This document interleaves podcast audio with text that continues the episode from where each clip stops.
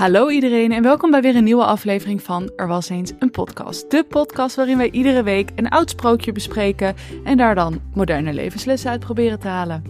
Mijn naam is Merel, ik ben theaterdocent en dramaturg. En mijn naam is Floor, ik ben tweelingzusje van Merel en ik werk in IT en dit is aflevering 35. Nou, nou, jij zei in de intro Ja? elke week. Ja, iedere twee weken. En ook dat mm, wordt Ja. soms met de korreltjes zout genomen. Ja, ja. We zijn het een beetje, eh, het, het leven kwam in de weg, maar we zijn er weer. We gaan nu beter op de planning letten. Ja, en tegelijkertijd, kijk, we verdienen er natuurlijk helemaal niks mee. Het is ook een hobby. Maar we kunnen het alleen goed doen als we er ruimte voor hebben. Dus Mhm. als het onregelmatig is, dan ja, is het ook onregelmatig of zo, snap je? Ik bedoel, we kunnen echt wel proberen om er ehm, nou, aan te denken en op te letten. Maar het kan dus soms zijn dat er een paar weken tussen zitten. En zo be it. Ja, ja, precies. Dat is dan zo. Maar vandaag hebben we wel een erg leuk sprookje. Nou ja, goed, ik zag er eigenlijk een beetje tegenop. Voor onze verjaardag hebben wij van die hele mooie oude sprookjesboeken gekregen. Eén groot, heel dik boek van Hans Christian Andersen. Als jullie al vaker afleveringen hebben geluisterd, zoals De Rode Schoentjes of De Kleine Zeemermin of Het Meisje met de Zwavelstokjes, zijn allemaal mijn minst favoriete sprookjes geworden, terwijl De Kleine Zeemermin eigenlijk mijn meest favoriete sprookje had. En dat komt allemaal door meneer Hans Christian Andersen. Maar toch dacht ik, laten we hem nog een kans geven om te kijken Yes. of er nu wel een leuk en positief en vrolijk sprookje uit voort kan komen. Ehm, en in dit boek wat ik heb, eh, staat ook een heel woord vooraf in Mhm. over het leven van Hans Christian Andersen. En ehm, nou, dat verklaart op zich wel veel waarom hij van die depressieve sprookjes schreef. Want hij had ook niet echt een heel leuk leven. Wacht, ik zal eventjes wat uit het woord vooraf erbij pakken. Ehm, nou, en er staat dus eigenlijk ehm, dat zijn vader al stierf toen hij elf was. Dus zijn moeder die was eh, depressief en die kon niks meer. Zijn opa eh, die, die zwierf als krankzinnige door de straten, staat hier. Ja, dit is een boek uit de jaren zeventig, dus dit is dan nog helemaal niet de taal die we nu gebruiken. Nou, Eh, is maar daar was zielig. hij ook zijn hele leven lang bang voor. Dat ditzelfde lot hem dus ook zou bevallen. Eh, dat hij dus of dan wel fysiek zwak was of mentaal zwak was. Eh, en hij heeft ze ook nooit getrouwd. En dan staat er wel set van, ja, dus zijn sprookjes heeft hij alleen aan andermans kinderen voorgelezen. Oh. Maar wel aan het Deense Hof en zo. Dus eh, hij heeft het wel goed hoog vergeschopt ook. Ook tijdens zijn leven. Ja. Maar er staat één passage in. En die moet ik eventjes voorlezen. Want die vond ik eh, bijzonder. Hier. In eh, De Rode Schoentjes doelt hij op de krakend nieuwe laarzen die hij zelf droeg toen hij werd aangenomen. Zo trots was hij op die laarzen dat hij zijn hoofd niet bij de plechtigheid hield. Vergeef me, heer, bad hij verschrikt. En toen dacht hij weer aan de mooie laarzen. Het moet een diep schuldgevoel hebben achtergelaten dat hij er na 26 jaar de kleine Karen zo gruwelijk voor liet boeten. Karen was het meisje in de rode Ja, schoentjes. ja, maar waarvoor werd hij aangenomen? Ja, volgens mij is aangenomen hier betekent gewoon dat hij toetrad tot kerk of zo. Oh, oké, ja. Ja, ja, ja. Ja, best wel lullig dat hij er zelf zo trots op was en dat hij daarna... Ja, maar daar, was hij, daar voelde hij zich te schuldig over. Ja, ja, precies. Ja, dus dat moest hij. Dus daarom zijn veel van zijn dingen zijn best wel. Ja, er wordt ook een vergelijking getrokken met de kleine zeemermin, omdat de kleine zeemermin er ook nooit ergens echt bij hoort en verlangt naar de liefde van anderen en dingen Ja. die zij zelf niet kan hebben. Dat hij zich ook een beetje zo zelf zou hebben gevoeld. Dus deze beste man heeft geen makkelijk leven gehad. Dus ik heb een beetje meer sympathie voor hem gekregen. Maar laten we heel eerlijk zijn. Ik bedoel, niemand zit hier op te wachten op deze sprookjes. Zegt ze terwijl ze een heel groot boek voor zich heeft. Maar ze Het is ook echt heel dik, ja. Maar ehm, ja, dus nu een nieuw sprookje van Hans Christian Andersen. Het is eh, een gruwelijk sprookje. Eh, ook best wel, ik ging er wat dingen op internet over opzoeken. En ik kon alleen een Nederlandse Wikipedia-pagina erover vinden. Niet Engels, niet in het Deens, alleen in het Nederlands. Dus het is, ehm, ja, ik zou willen zeggen dat het een onbekend sprookje is. Oké, cool. Ja? Nou, let's go. Are we ready? Ja. Oké, hier gaan we met de rozenelf.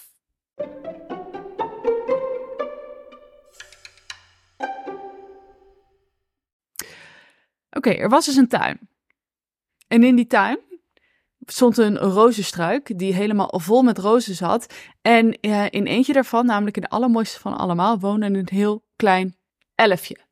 Ah, Dat elfje dat was zo klein dat zeg maar, mensen hem ook niet konden zien. Dus het, het was echt heel klein. En achter elk blaadje van de roos waar hij in sliep had hij een slaapkamer. Eh, en hij had ook eh, vleugels en hij kon heen en weer vliegen door de tuin. En staat hier, dat vind ik wel cute. Oh, wat rook het heerlijk in zijn kamers. En wat waren de muren mooi. Het waren immers de roze bloemblaadjes. ah. Ja, dus de hele dag eh fladderde die elf, die fladderde gewoon een beetje heen en weer. Dat was zijn dayjob. Hij vloog van de bloem tot bloem, danste alleen maar een beetje op de, op de bloemblaadjes. En eh, hij deed zijn best om soort van alle nerven van alle bloemblaadjes te volgen. Dat waren voor hem de wegen. Nou, op een gegeven moment, eh, op een dag toen hij daarmee bezig was, had hij niet zo goed op de tijd gelet. En voor hij het wist, was de zon al ondergegaan Ja. Als de zon ondergaat, gaan rozen blijkbaar dicht of zo. Oh, ja. Ja, nou goed. Het probleem was dat Elfje kon Hij niet kon meer niet in meer zijn eigen roos kruipen, want eh, die roos die zat dicht. Nou, maar hij zag kamperfoelie staan in de tuin. Eh, moet je maar eens eventjes opzoeken. Eh, dat is een best wel bijzondere bloem. En dat, die bloem die sluit niet. Dus hij dacht, nou prima, dan ga ik vannacht wel eventjes op die kamperfoelie slapen. Morgen ben ik weer in mijn eigen eh, roosje. Nou, aan de andere kant van de tuin eh, stond die kamperfoelie en daar vloog hij heen. En daar zaten twee mensen in het prieeltje wat naast die kamperfoelie stond. Mhm. Dat waren een, een jongen en een meisje, of een man en een vrouw. En die verklaarden uitzinnig hun liefde voor elkaar. En ze wilden nooit gescheiden worden. Eh, en toen zei de jonge man, zei, toch moeten we scheiden. Je broer is ons niet goed gezind. En daarom zendt hij mij op reis ver weg over bergen en zeeën. Vaarwel, mijn lieve bruid. Want voor mij ben je dat toch. Wat, wat? Wat?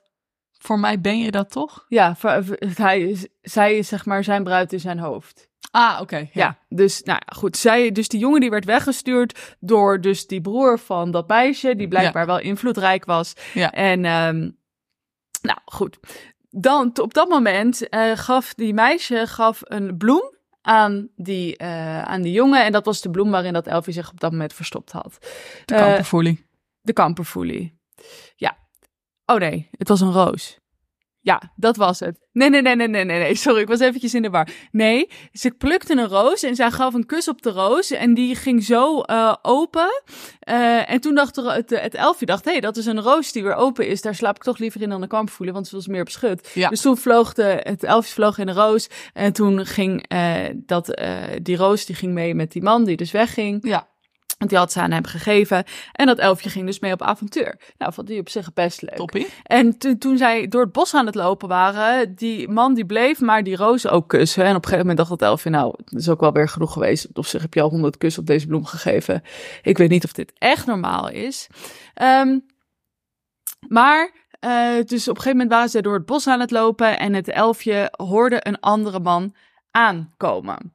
Oh. Andere man bleek de boze broer te zijn. Dit weten we nu al vast in dit verhaal. Ik weet niet hoe dit elfje dat weet. Maar dat bleek de boze broer te zijn van die vrouw. Die Oh ja. eerder, eh, dus van die lover. En wat deed de boze broer? Zonder iets te zeggen, haalde een groot scherp mes tevoorschijn. En terwijl de andere de roos kuste, stak de boze man hem dood. Jesus. Ja. Wat intens. Hij sneed zijn hoofd af en begroef het met het Nou. lichaam in de rulle aarde onder de Doe lindenboom. even normaal. Ja, ja, dus ze waren echt serieus nog geen half uur onderweg. What the fuck? Ja. Dus die boze broer, die was wel erg boos. Hij had helemaal geen opdracht voor die, eh, voor die jongen om in het buitenland te doen. Hij wilde hem gewoon dood hebben. Nou, dacht de boze broer, hij is vergeten en weg. Je komt nooit meer terug. Eh, je zou een lange reis gaan maken. Het is helemaal niet gek dat je dan misschien het leven laat tijdens die lange reis. Ik hoef mijn zus nooit wat te vertellen. En eh, ik ben van deze vent af. Jezus. Ja. Oké. Nou, het elfje ging mee met de boze man weer naar huis. Want die dacht, ja, ik weet ook niet wat ik hier moet doen. Er was namelijk, eh, dat lichaam werd begraven onder een lindenboom. En tijdens het begraven van dat lichaam kwam er een verdord lindenblaadje kwam op het hoofd van die boze man. Mhm. Eh, en dat elfje dacht, ik ga daar maar in zitten. Toen deed de boze man zijn hoed eroverheen. En toen ging hij weer mee terug naar de tuin waar hij altijd al had gezeten. Want blijkbaar kan dat elfje alleen zitten of staan of zo. Ja, die kan niet zelf vliegen. Nee, die kan toch niet zo lang zelf vliegen. Het is ook een minuscuul elfje. hè. Dus als je dan dat hele stuk weer terug moet vliegen, is best wel veel. Ja, Ja. snap ik ook wel. Het, eh, het, het wordt eh, alleen maar erger vanaf nu. Dus, ehm, die, dat elfje dat wilde wel wat doen. Hij wilde toch aan dat meisje, aan de vrouw vertellen op de een of andere manier wat er gebeurd was. Want hij dacht, dit is echt niet goed. Hij was, het elfje was er ook echt serieus best wel door Dat is serieus wel gewoon lief. Ja, het is echt serieus wel lief. En eerst dacht ook ik, kunnen denken, yes, none of my business. Ja, maar je- Bye-bye. ze, hij doet dit, dat elfje doet dus iets raars. Eerst dacht ik, je kan het toch ook gewoon, gewoon vertellen. Maar ja, dat elfje dat was zo minuscuul dat je het ook niet eens kon zien. Oh, Dus het was waarschijnlijk best wel moeilijk. een soort om- van eh huisstofmeisje. Precies. Ja. ja, ja. Maar wat deed het elfje? Ehm, die kropen in het oor van dat meisje wat lag te slapen. Mhm. Eh, en vertelde haar eigenlijk het hele verhaal. En op het einde zei dat elfje van... Je bent niet aan het dromen, dit is echt. Weet maar, eh, op het moment dat je wakker wordt, ligt er een verdord lindenblaadje op je bed. Zo. Want dat is waar hij, dat elfje dus weer mee eh, Ja. teruggekomen was naar het huis.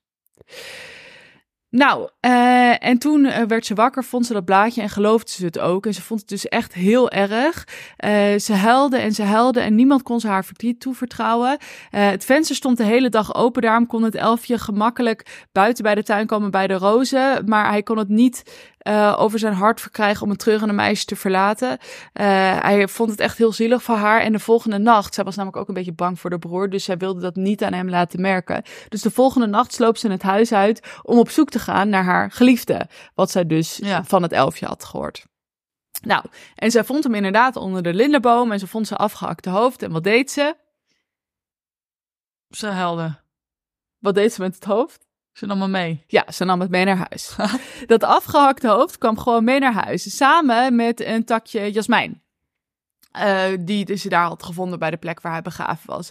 En wat deed ze vervolgens? Ze deed dat afgehakte hoofd deze in een bloempot. Aarde eroverheen, jasmijntakje erbovenop. En zo kon ze de hele dag naast dat afgehakte hoofd in die bloempot zitten. Maar waar slaat het op? Want ze kon ook afgehakt dat hoofd niet eens zien in die bloempot.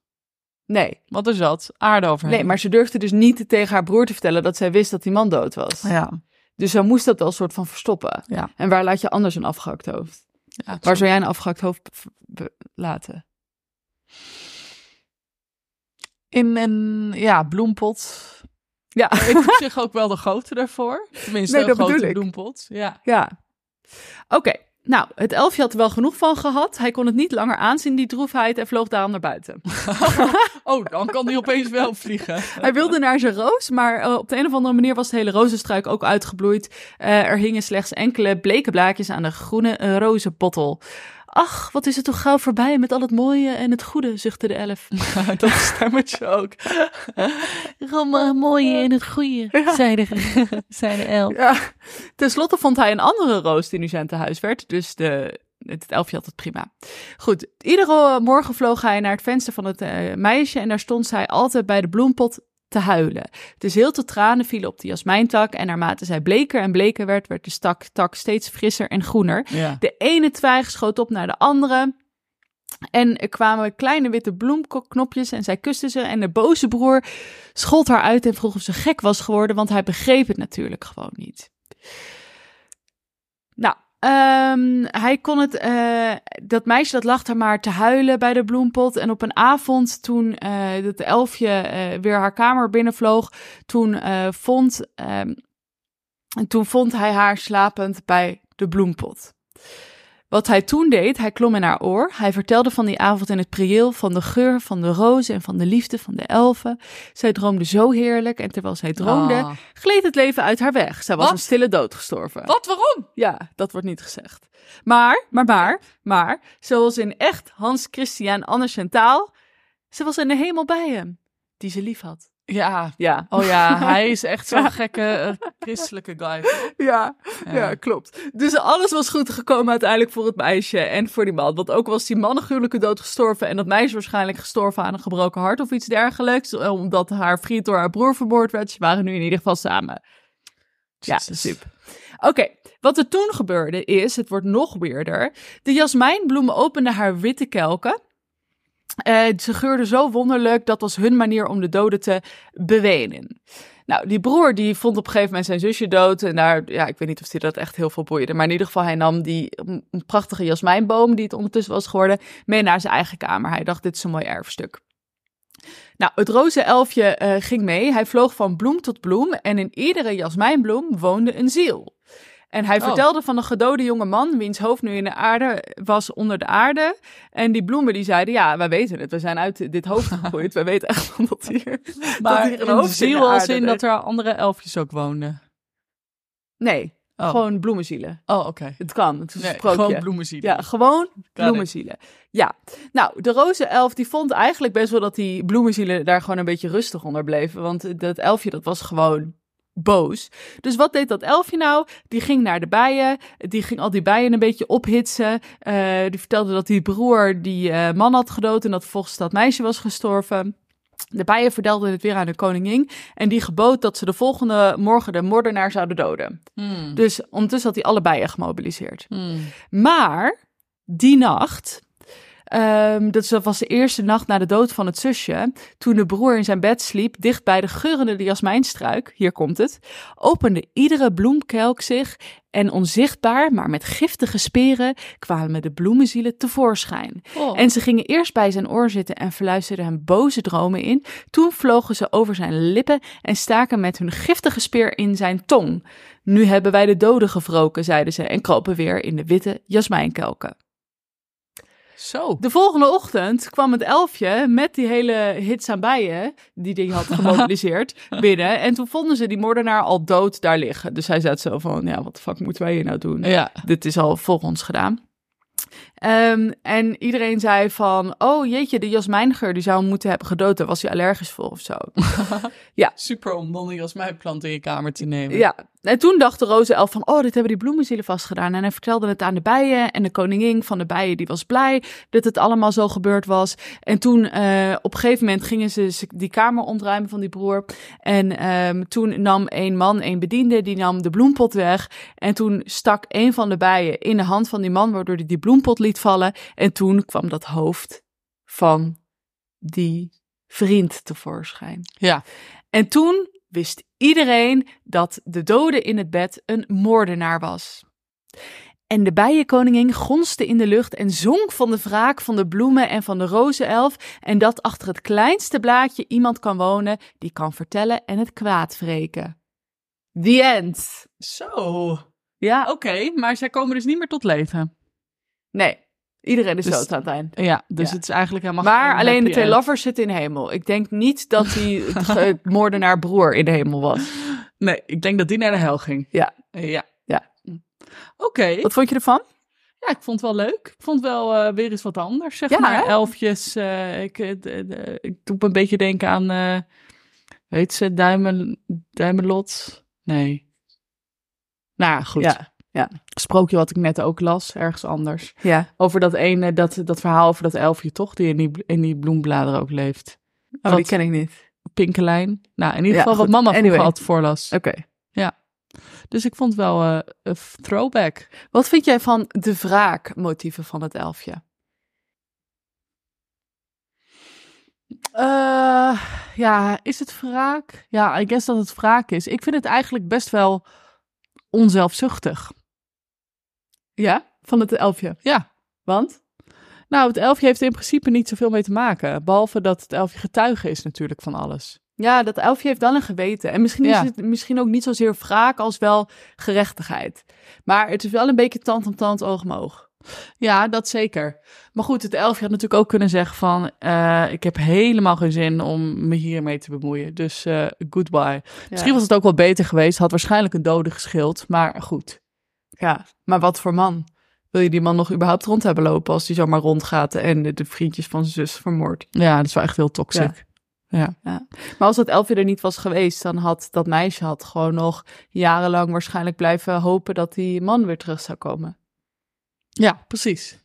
Ja. Ja, dus dat was, dat was ook zeer cru geweest. Dus nou ja, ik vind eigenlijk al met al, denk ik, ja. Ik vind dat het elfje best wel onbaatzuchtig handelt. Ja. Ehm, zeg maar, je weet niet wat zijn eigen belangen zijn. Hij heeft geen eigen agenda. Nee. Hij denkt alleen, ik ga het goede doen. Dan denk ik, yes, elfje, Yes, let's elfje. go. Let's do it, elfje. Ja, Power to the elfjes. ja power Ja. to the elfjes. Ja. Maar ik moet zeggen, ik vond het verschijnen van de bloemenzielen wel echt random. Ik had het een beter verhaal gevonden als dat elfje gewoon erbij had gemobiliseerd. Ja. Om eh, het soort van Aziatische hoornaar erin te vliegen Ja. of zo.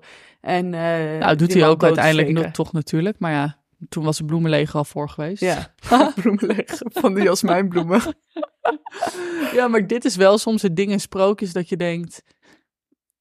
Nee, It dat- makes no sense. In de zin van, je weet dus niet wat er allemaal kan gebeuren. Dus, Ja. het, eh, dus het slaat eigenlijk nergens op. En dan komt hier weer een draak en daar weer een bloemenzwaar. Dat je echt denkt, en ja, daar weer een zo troll, kan ik ook wel weer een alles heks. verzinnen. En, eh, zeg maar, er zit geen interne logica in. Wat dan Nee. wel kan en niet kan. En hij moet eerst, ook hier met dat elfje, moet eerst helemaal meereizen op de, op de hoofd van die, van die moordenaar, zeg maar. ja. Eh, en daarna kan hij wel gewoon wegvliegen. Ja, oké, maar kleine afstandjes naar de tuin. Ik denk dat hij gewoon... eh, hij heeft grote vleugels, maar relatief grote vleugels. Maar absoluut gezien zijn het gewoon kleine mini-vleugeltjes. Ja, precies. Dus dan kan hij wel naar de tuin vliegen, waar dan ook die, die bijen allemaal zijn. Ja, Maar niet helemaal op en neer. nee, ik snap het. Dat is te ver voor hem. Ja. Ja. En ik denk als zo'n roos dus helemaal gesloten is, kan hij er ook niet uit. Nee. Nee. Nee. Ja, Maar goed, dat het ding inderdaad van dat je in een fantasy of in een sprookje niet weet wat er allemaal kan gebeuren. En dat dat gewoon een beetje ervoor zorgt dat je op ieder moment denkt van ja, nou, ja, weet ik veel waar de limieten zijn van nou deze ja, en het is ook gewoon dat zo heb ik sowieso bij fantasy hoor. Ja. Dat heb je dan ook, weet ik veel, bij fucking Lord of the Rings of bij The Witcher of eh, noem enke, pff, alle fantasy series die er zijn. Dan heb je dat sowieso heel erg van, oh, er komt nu ineens komt er een soort van eh, extra krachtige tovenaar aan. En nu is er hier een draak. En nu is er hier een ander monster wat speciale kracht heeft. Ja, maar dat bedoel ik. En het is gewoon zo random, dus je kan er helemaal niet van op aan dat Nee. er iets gebeurt. En die logica zit daardoor ook, is compleet zoek. Dat dan wel iemand, weet ik veel, eh, zijn been breekt en daardoor wel sterft. Maar wel eh, door 16 eh, draken door de lucht kan worden, eh, weet je wel, door de lucht kan worden vervoerd om dan op een vulkaan te landen, zeg maar. Waar Ja. is de logica? Waarom kan, je, kan dan niet een draak dat been helen, snap je? Ja, Nou ja. ja, maar wat zijn de moralen van het verhaal, denk je? Nou, ik vond die laatste ehm, zin eigenlijk wel heel leuk. Dat was achter het kleinste plaatje kan iemand wonen die kan vertellen en het kwaad wreken. Precies. Dus ik zit te denken aan iets in de trant van... Er zijn... Ja, sowieso Boontje komt om zijn loontje. Karma is mijn boyfriend, zeg maar. Ja. Dat idee. Ja. Ehm, maar ook, je weet nooit wie allemaal het kan navertellen wat je hebt gedaan. Oké. Dus overal, kijk, als ik nu iets stil bij de zelfscankassa, bij de Albert Heijn, ja. dan kan ik er nog wel mee wegkomen. Maar misschien staat mijn buurvrouw daar, ook naast mij, die ik niet heb gezien. Oké. eh, en ga mij daardoor minder vertrouwen mijn buurvrouw. Snap je wat ik bedoel? Ja, precies. Dus ehm, het is zeg maar het tegenovergestelde van dance like nobody's watching. Het is van Ja, gedraag je alsof iedereen kijkt. precies. Ja. Ja. gedraag je alsof iedereen kijkt, want je kan dan nog wel met je main daad kan je er wel van doorkomen.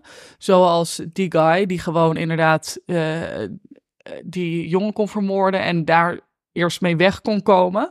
Ehm, maar goed, er kunnen, dat kan wel lukken, maar dan kan je alsnog later ehm, ja, door anderen daarvoor gestraft worden. Ik denk dat de moraal van het verhaal is dat als je iets ziet wat niet in de haak is, doe er dan wat mee. In de sociale psychologie is er een fenomeen en het bestaan daarvan wordt wel een beetje alom betwist, maar, eh, of in ieder geval het effect daarvan. Het heet de bystander effect en dat gaat er eigenlijk om dat als er iets ergs gebeurt in een openbare ruimte, Ja. hoe meer mensen eromheen zijn die daarvan getuigen zijn, hoe kleiner de kans is dat er ook echt daadwerkelijk actie wordt ondernomen om iets te doen. Ja, Daarom moet je ook altijd dat als er iets gebeurt, bijvoorbeeld, weet ik veel, je bent aan het verdrinken, ik zeg maar wat. Als je dan nog wat kan zeggen en er staat een groep mensen te kijken, moet je één iemand aanwijzen en zeggen: Jij, help mij. oh ja. Anders dan zijn mensen, daardoor maak je het soort van individualistisch. ja. Zeg maar, als, er, als je de enige persoon bent die een eh, getuige is van iets, van, van iets ergs, dan is het veel waarschijnlijker dat je er wat aan doet dan als er nog tien andere mensen om je heen staan. Want dan heb je een soort van gedeelde verantwoordelijkheid ervoor. En het elfje was hier natuurlijk wel als enige persoon. Maar het elfje staat ook mijlenver af van die mensen. Ik bedoel, het elfje is niet eens een mens. Dus hij had net zo goed kunnen denken, ja, laat die mensen het maar lekker uitvechten. maar hij heeft wel actie ondernomen. En dat vind ik erg goed van het elfje. Ook al eindigt uiteindelijk iedereen dood. Ja, dat is op zich niet zijn schuld. Nee, vind Nee. ik ook. Sterker nog, ehm, nou, er waren wel minder mensen dood geweest als het elfje niet dat ingreep, maar zoals jij net ook al zei, je weet nooit wat die man nog meer Ja, had gedaan. Precies. Maar dat bijstander effect, dat is echt, hè. Ik zat dus gisteren in de trein. Mm, Nee, donderdag was dat, maar dus eergisteren. Eh en er ging gewoon een man van 50 ging met een jongen van 18 vechten op het perron. En ze, Wat? Ja, ze trokken elkaar helemaal de trein uit en zo. En ik stond daar echt letterlijk vlakbij. Dus ik zo, jezus, doe even normaal, zeg maar. Maar ze bleven maar doorgaan. En je zag echt iedereen daar naar kijken. En toen dacht ik, ja, maar ga ik hier nou tussen springen? Zij kunnen mij zo letterlijk het spoor opgooien, zeg maar. Dus ik vond het ook... ehm, Nee, maar dat moet je niet doen. Je moet de meldkamer van de NS bellen. Ja, en uiteindelijk kwamen er ook wel conducteurs omheen staan hoor. Er kwam er ook wel een man die er soort van tussen kwam staan. Maar het was ook zo'n bizarre situatie. Dat je inderdaad iedereen zo ziet kijken. En je ziet hun ruzie maken. En je ziet hun vechten. En je denkt, ja. Nee, maar je weet ook niet. doen? Misschien heeft een van die twee een mes bij zich. Ja. Tuurlijk wil je daar niet zomaar tussen gooien. Nee. Maar het belangrijkste, het is het meest slim om dit te doen in dit soort situaties. Zeker als het bijvoorbeeld s'avonds laat is of zo, is gewoon gelijk de politie bellen. Dat is ook ingrijpen. Hè? Ja. Het is niet altijd dat je soort van het heft in eigen handen hoeft te nemen. Nee, dat is zeker waar. Nee. Ja. Alright. Nou, dit was de Roze Elf. De het moraal echt van... een leuke Floor, want ik, eh, ja, het was Ja. echt een ander sprookje dan normaal. Nou, bedankt. Ja. Dus de moralen van dit verhaal waren... Jij zei, ehm, gedraag je alsof iedereen naar je kijkt. Ja. Eh, en mijn moraal van het verhaal was... Als je iets ziet, doe er dan wat aan. Want je kan alleen vertrouwen op jezelf. Yes. Alright mensen, hartstikke bedankt voor het luisteren. Vond je dit nou leuk? Ga dan eventjes naar Instagram en laat het ons daar weten. Volg ons, spread the word. Ehm, en daarnaast eh, vinden wij het erg leuk als je nog ideeën doorgeeft. Of als je toevallig een sprookje graag eens een keer wil horen. eh, horen wij dat ook graag, want we gaan graag op verzoekjes in. En dan eh, horen jullie ons over twee weken weer. Oké. Oké, bye bye.